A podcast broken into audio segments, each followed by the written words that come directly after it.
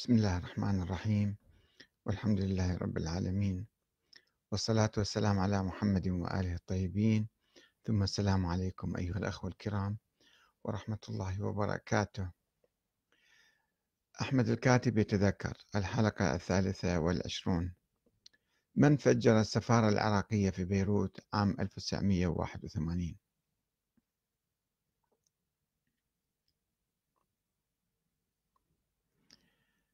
من فجر السفارة العراقية في بيروت عام 1981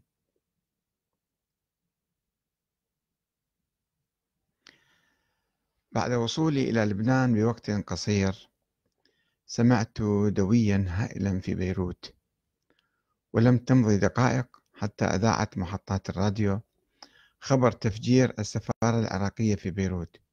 يوم 15 ديسمبر 1981 آه، وقد سويت السفارة بالأرض وقتل 61 شخصا بينهم السفير العراقي في بيروت عبد الرزاق لفتة. وجرح 110 آخرون. وقد قتلت أيضا آه، العراقية بلقيس الراوي زوجة الشاعر السوري نزار قباني التي كانت تعمل في المكتب الثقافي في السفارة. وتعددت التكهنات في سبب التفجير فمن قائل بأنها عملية انتحارية ومن قائل بأنها آه، أنها بسبب انفجار عبوات داخل السفارة ومن قائل بأن السفارة العراقية نفسها كانت قد أعدت هذه السيارة للتفجير في بيروت ضد القوات السورية. وهو أمر كان يحدث كثيرا في تلك الأيام. ولكنها واجهت حاجزا سوريا مفاجئا طيارا بالقرب من السفارة فعادت أدراجها. ولكنها لم تستطع انتزاع الصواعق المعدة للتفجير بوقت محدد فانفجرت في مدخل السفارة. وحسب ما يقول نواف شاذل طاقة ابن أخ المستشار الصحفي حارث طاقة الذي قتل في الانفجار. يقول في مقال له في صحيفة الزمان بتاريخ 6 ديسمبر 2013 تحت عنوان 32 عاما على تفجير السفارة العراقية في بيروت. أيدي الإرهاب المبكر مرت من هنا. إخراج جثتي المستشار حارث طاقة وبلقيس زوجة نزار قباني من تحت الأنقاض بعد أسبوع على الجريمة. هذا عنوان مقاله في جريدة الزمان. يقول إن سيارة نوع فولفو أو فولفو كانت قد هيئت بشكل متقن لتكون شبيهة تماما بسيارة السفير العراقي في لبنان. وقد تسللت هذه السيارة إلى مبنى السفارة ظهيرة يوم 15 كانون الأول ديسمبر.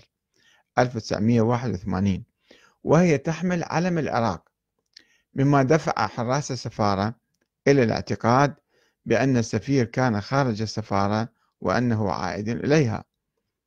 وصادف أيضا أن العارضات الحديدية لحماية السفارة كانت عاطلة في ذلك اليوم مما لم يترك مجالا لحراس السفارة للتأكد من السيارة بشكل كامل.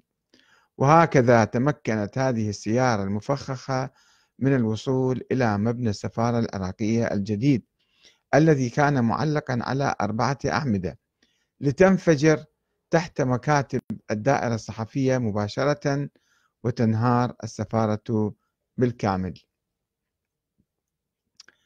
وكتب الأخ نصير المهدي في مجلة أو جريدة البديل العراقي ما يلي لقد كشف قاضي التحقيق اللبناني في تقريره المنشور في الصحف اللبنانية والذي أخذ صفحتين كاملتين من جريدة من جريدة السفير اللبنانية يوم ذاك. وهذه إشارة للباحثين الأكاديميين كل ملابسات وتفاصيل عملية السفارة العراقية في بيروت وخلص إلى نتيجة قاطعة وهي أن عملية التفجير قد تمت من داخل السفارة. وهي نتيجة لأمرين لا ثالث لهما. أن تكون بسبب وجود متفجرات في قبو السفارة أو أن نفقا قد حفر تحت السفارة ووضعت العبوات الناسفة في مكان في أماكن محددة بحيث انهار مبنى السفارة. واستبعد كليا هذا القاضي اللبناني يعني قاضي التحقيق واستبعد كليا فرضية السيارة المفخخة التي يقودها الانتحاري الذي دعاه حزب الدعوة. وكل ذلك يدعم فرضية الانفجار الداخلي. ورغم كل التحقيقات التي أجريت فإن النتيجة لم تعلن على الملأ وقيدت الحادثة ضد مجهول إلا أن وكالات الأنباء نشرت بيانا صادرا عن مكتب حزب الدعوة في دمشق بأنه يتحمل مسؤولية عملية التفجير والتي قام بها عضو بحزب الدعوة يسمى أبو مريم الكرادي. وقد جوبه هذا البيان يومها بنوع من التشكيك لمعرفة الجميع بعدم وجود جناح عسكري لحزب الدعوة في الخارج أو جناح عامل على الأقل يعني. ربما كان هناك بعض الناس يتدربون هنا وهناك ولكن جناح عسكري عامل لم يقم بأي عملية حزب الدعوة خارج العراق. إضافة إلى عدم إرفاق أي وثائق مع البيان تثبت مصداقية التبني حيث يمكن لأي فرد أن يتفاخر بأن حزبه قام بهذا العمل البطولي وبالطبع لم يكن متوقعا أن ينشر الحزب يوم ذاك.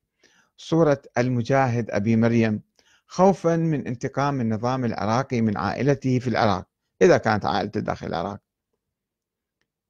ولكن الآمال بكشف حزب الدعوة عن هوية أبي مريم الكاملة يعني اسم اسمه وبلده وعمره تصاعدت بعد سقوط النظام 2003 وكان من المنتظر أن يحتفل حزب الدعوة بهذا المجاهد ويكرم عائلته ولكن شيئا من ذلك. لم يحدث بل قام الحزب بدفن هذا المجاهد في غياهب النسيان لأنه لم يكن شخصا حقيقيا في الواقع وإنما اسما إعلاميا مخترعا. وقد كسب حزب الدعوة حينها بعض الدعاية الجهادية إلا أنه أضر بسمعة الحركة الإسلامية عندما صورها كمنظمة إرهابية تفجر سفارة مدنية وتقتل وتجرح العشرات وتستخدم العنف ضد الحكومة بدعم عسكري ومالي من الجمهورية الإسلامية الإيرانية كما يقول موقع ويكيبيديا على الإنترنت هذه الأيام.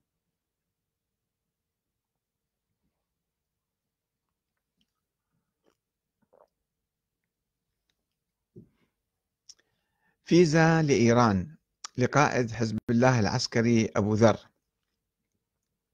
في أثناء تواجدي في لبنان عام 1982 كان يزورني شاب شيعي متحمس يعمل دركيا في الأمن اللبناني وكان أحيانا يسهر عندي في البيت إلى آخر الليل إلى الساعة 12 وينتقد الحكومة اللبنانية ويتحدث عن مقاومة إسرائيل وحب الاستشهاد في سبيل الله. فكنت في الحقيقة أحذر منه إلى أن جاءني ذات يوم وطرح علي فكرة الاستقالة من عمله. والدراسة في الحوزة في قم الذهاب إلى قم للدراسة. وطلب مني تزكيته لدى مكتب الشيخ منتظري في بيروت في تلك الأيام ليعطيه فيزا دراسة أن يروح يدرس مو فيزا آه، زيارة يعني.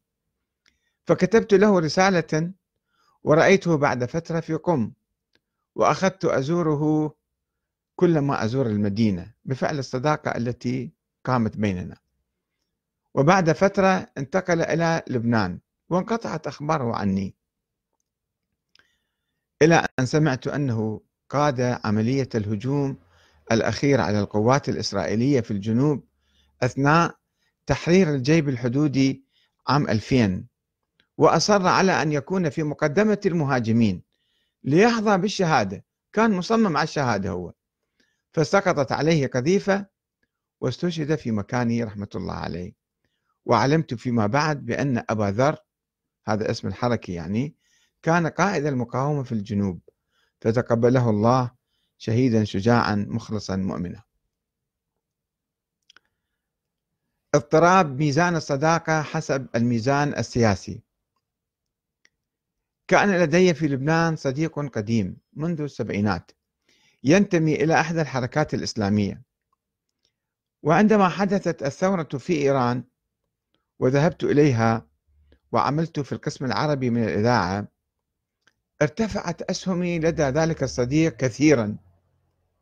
وكان يحرص على أن يزورني كلما ذهبت إلى بيروت. وفي إحدى المرات جاءني ليلا ليسهر معي. وكنت في بيت عمي وكان صغيرا. لا أستطيع استقباله فيه. فلم يمانع من إحياء السهرة في الممر خارج باب الدار. ولم أفهم سبب حرصه أو سبب حرصه على تلك الزيارة والسهرة غير المعتادة. وعندما عدت في المرة الأخيرة سنة 1981 وكنت قد استقلت من الإذاعة وعلم بذلك فنزلت علاقته معي إلى مستواها السابق مستوى عادي.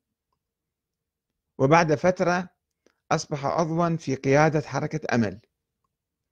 وذهبت يوما لأزوره فرفض أن يستقبلني ولم أفهم لماذا. ودارت الأيام وخرج من الحركة بعد احتلال إسرائيل للبنان عام 1982 وبينما كنت أسير في مدينة قم وإذا بشخص ينزل مسرعا من سيارة ويناديني ويسلم علي بحرارة. ولم يكن هذا الشخص سوى صاحبنا المتقلب ورغم أنه لم يكن بيدي أي شيء في تلك الأيام إلا أني تعجبت كثيرا من سلوكه المضطرب المبني على ميزان القوة وليس الصداقة الأخوية الإيمانية الثابتة المستقرة. فقلت مست... فقلت له مستغربا ما عدا مما بدا ودارت الأيام مرة أخرى. الدنيا دولاب في الحقيقة مرة واحد يصعد واحد ينزل. فاحتل هو مركزا قياديا في حركة سياسية في لبنان. ووسطني أحد الأصدقاء لكي أزوره ليساعد في حل مشكلة ذلك الأخ.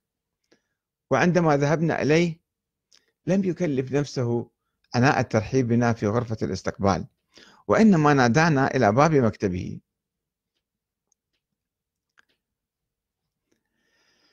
يمدح المنتظر ويسبه من دون أن يراه. وربما كان أمر هذا الأخ بسيطا. فقد كان لي صديق آخر يتابع أخبار إيران والثورة. ورأيته ذات مرة يمجد الشيخ حسين علي المنتظري اللي كان ذيك الأيام نائب الإمام الخميني. وكان هذا أمرا عاديا من رجل متعاطف مع الثورة الإسلامية في إيران.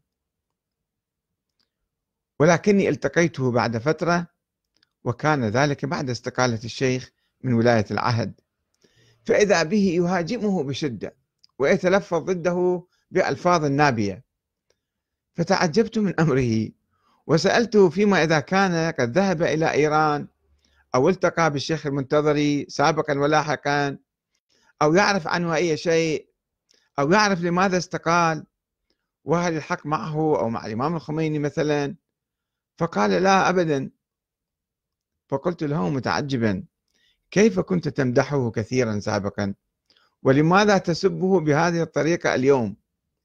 ومن أين استقيت معلوماتك؟ استقيت معلوماتك عنه. فقال من الصحف الإيرانية.